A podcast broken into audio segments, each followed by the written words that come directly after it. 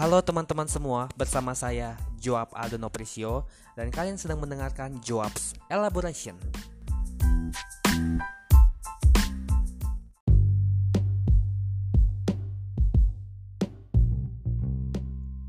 Dalam episode kali ini, saya akan ngebahas soal buku The Influential Leader dari John Edmund Haggai. Buku ini ditulis oleh pendiri daripada Haga Institute yang mana sudah banyak membentuk pemimpin untuk menjadi pengabar Injil di seluruh dunia. Nah, tapi otoritas ini tuh bukan soal posisi ya, bukan soal posisi, bukan soal kekuas, um, bukan soal jabatan kayak gitu enggak.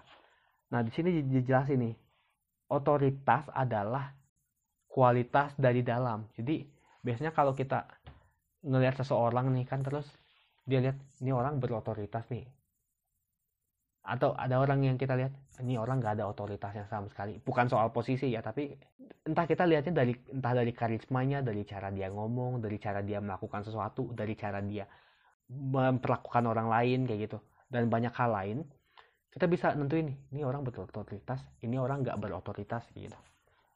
Kenapa? Karena otoritas ini berasal dari dalam.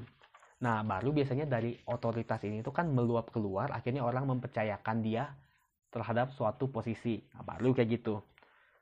Lalu selanjutnya, di bab ini aku juga ketemu, ini nih menarik nih. Dia bilang gini nih, jauh lebih baik mencoba sesuatu yang besar dan gagal daripada nggak melakukan apa-apa dan sukses. Coba pikir, kita tuh bisa nggak melakukan apa-apa dan itu tuh pasti sukses karena ya nggak ngelakuin apa-apa tapi coba bagaimana dengan kita melakukan sesuatu yang besar dan gagal. Itu tuh lebih baik gitu katanya. Kenapa? Karena pasti ada kita dapat pengalaman kita dapat suatu hal yang bisa kita pelajari dan segala macamnya. Banyak. Lalu kita masuk ke step selanjutnya yaitu ngomongin soal ambiguitas. Ambiguitas. Jadi kita tahu di dunia ini nih hal-hal itu tuh banyak yang nggak pasti banyak yang kita nggak bisa prediksi bahkan kayak sekarang kondisi saat ini. Ambigu gitu loh nggak jelas gitu loh. Nah di bab ini tuh mau ngomongin soal bagaimana pemimpin tuh justru harus menerima ambiguitas itu. Nggak usah terlalu pusingin ini harus pasti ini harus pasti. Enggak. Justru dia bahkan ya aku yang ku dapat justru pemimpin itu harus bisa berenang dalam lautan ambiguitas. Nah, salah satu yang ku dapat di dalam buku dalam bab ini adalah jadi pemimpin yang berpengaruh tuh pasti ngambil keputusan kan, pasti ngambil keputusan dalam ambiguitas itu dalam ketidakpastian. Nah, dia bilang, tapi pemimpin yang berpengaruh hidup dengan resiko bahwa keputusannya bisa salah. Tapi dia tahu nih, dia tahu bahwa keputusan terburuk itu sebenarnya adalah tidak ada keputusan. Jadi keputusan orang, keputusan kita tuh bisa salah. Tapi lebih baik kayak gitu daripada kita nggak memutuskan apa-apa gitu loh. Karena keputusan yang terburuk adalah nggak ambil keputusan. Lalu selanjutnya dilanjutin lagi nih. Di halaman selanjutnya dia bilang, Kenapa? Kenapa lebih baik kita ngambil keputusan daripada nggak ngambil keputusan sama sekali? Karena ketika kita nolak untuk memutuskan sendiri, orang lain yang akan memutuskannya bagi kita. Nah, pada saat itu kita kehilangan kebebasan kita dan kita menjadi budak orang tersebut. Nah, di bagian akhir daripada buku ini ada tertulis nih, ini suatu hal yang menarik dan ini juga cukup memotivasiku sih untuk bertindak gitu loh, untuk coba menjalani buku ini gitu loh. Apa yang dibilang buku ini aku mau coba jalani, inilah dia. The world has never been in greater need of influential leaders. Without doubt, you have the potential to become one. The fact you have read through this book convinces me of that. You can close the book and put it back on the shelf. Or you can start on a life transforming journey of leadership. Either way, it's a visionary decision. Jadi aku sendiri dikasih pilihan.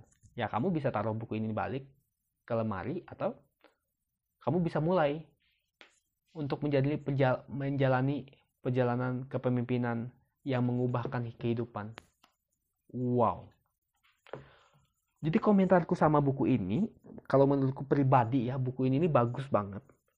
Dan bahkan aku akui bahwa buku ini tuh jadi salah satu buku yang mengubah hidupku. Lewat pemikiran, lewat pemikiran dari buku ini, ini mengubah hidupku gitu, mengubah jalan pikiranku dan memberikan banyak hal-hal praktis yang sangat membantuku dalam kehidupan. Ini saking bagusnya ya. Saking bagusnya nih aku udah baca buku ini 4 sampai 5 kali. Lalu dalam tahun ini juga nih aku mendedikasikan setiap bulannya untuk baca satu bab berulang-ulang. Jadi bab saat kan ini ada 12 bab. Bab pertama aku baca di bulan Januari, bab 2 bulan Februari, bulan Maret bab 3, seterusnya dan bulan ini bab 9 kan, bab 9 kayak gitu. Nah, dan ajaibnya ya, setiap bulan buku ini nih kayak ngasih insight yang pas, relatable sama keadaanku saat itu. Kayak misalnya bab 5 di bulan Mei ya. Di bulan Mei itu kan kita habis pandemi itu banyak banget yang berubah dan karena itu itu sebenarnya karena kekeliruanku pribadi sih tapi maksudnya karena kebanyakan perubahan tuh aku jadi kayak malas melakukan segala sesuatu tuh malas nggak termotivasi dan segala macam. Akhirnya aku malas-malasan beneran. Banyak hal yang kutunda banyak hal yang gak aku kerjakan lalu di bab 5 tuh kan ngomongin soal pengendalian diri. Itu tuh jadi kayak pemicu ayo mulai kendalikan diri lagi. Itu. Lalu di bab 6 itu ngomongin soal komunikasi nah di bab 6 itu kan aku waktu itu baru mulai podcast ini kan di bab 6 eh di bulan Juni maksudnya dan itu ngebaca soal bab 6 jadi wow table and then bab 7, bab 7 itu ngomongin soal memberi, invest fearlessly. Nah, pas di bulan Juli, itu kan aku baru mulai kerja dan juga baru dapat gaji itu. Nah, terus diingetin tuh sama buku ini. Jangan makan sendiri gajimu, kasih orang lain. Kayak gitu. Kasih ke siapa, kasih ke siapa. Dan puji Tuhan, aku bisa memberi sekitar 30% dari pendapatanku dan kamu juga bisa lakukan itu gitu loh intinya jangan tunggu ah nantilah tunggu aku sudah sukses tunggu aku sudah banyak gaji sini enggak coba pikirin apa yang bisa dikurangin dan apa yang bisa diberikan ke orang lain ke gereja ke yang membutuhkan dan segala macamnya kayak gitu lalu waktu bulan bulan kemarin nih bulan Agustus tuh aku kan baru mulai minggu pertama ngaj minggu minggu pertama ngajar gitu kan. Terus banyak banget struggle dan banyak yang bikin aku tuh bikin aku tuh kayak pengen nyerah gitu loh. Di bab 8 justru ngomongin soal titik balik ngomongin soal ya kita pasti struggle. Tapi lewat struggle itu tuh kita bisa bertumbuh gitu loh. Dari bab 8 tuh aku dapetin itu tuh. Dari dari pergumulan itu kita bisa dapat kesempatan untuk bangkit justru kayak gitu. Nah itu yang menguatkanku di bulan Agustus. Keren banget kan aku. Dan aku juga mau masuk ke bab 9 dan seterusnya seterusnya. Nah aku kan udah baca 4 sampai 5 kali terus di buku um, di tahun ini aku tuh baca satu bab itu tuh di bulan-bulan itu tuh satu bab bisa aku baca 4 sampai 5 kali. Jadi entah ya aku udah mungkin baca 10 kali saking bagusnya buku ini gitu loh. Nah cuman sayangnya ya buku ini belum ada bahasa Indonesia-nya si kucek. Belum ada terjemahannya bahasa Indonesia. Jadi ya kalau teman-teman tertarik baca buku ini mungkin bisa beli dari luar negeri impor gitu. Tapi beneran worth it banget buku ini. Nggak cuma teman-teman yang berorientasi pada kepemimpinan enggak tapi ini buku yang benar-benar bisa membantu untuk mempunyai kehidupan yang lebih baik gitu loh. Karena saran-sarannya praktis dan karena kepemimpinan tuh nggak cuma soal kamu memimpin di suatu organisasi enggak. Kalau Pak Andri Panjaitan ngomong ya, prinsip kepemimpinan tuh soto.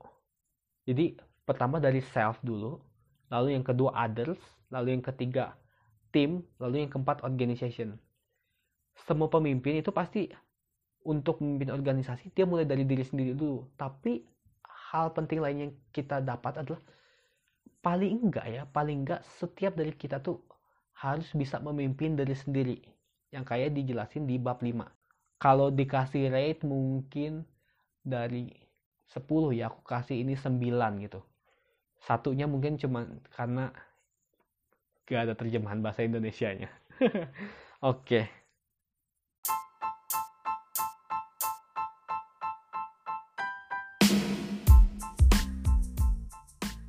Terima kasih banyak bagi teman-teman yang setia mendengarkan podcast ini hingga selesai. Jika kamu suka dengan podcast ini, tolong bagikan kepada teman-temanmu yang lain sehingga bukan hanya kamu, tapi juga teman-teman lain mendapatkan insight dan berkat daripada podcast ini. Jika Tuhan berkenan, kita akan berjumpa lagi di podcast episode selanjutnya. Bye.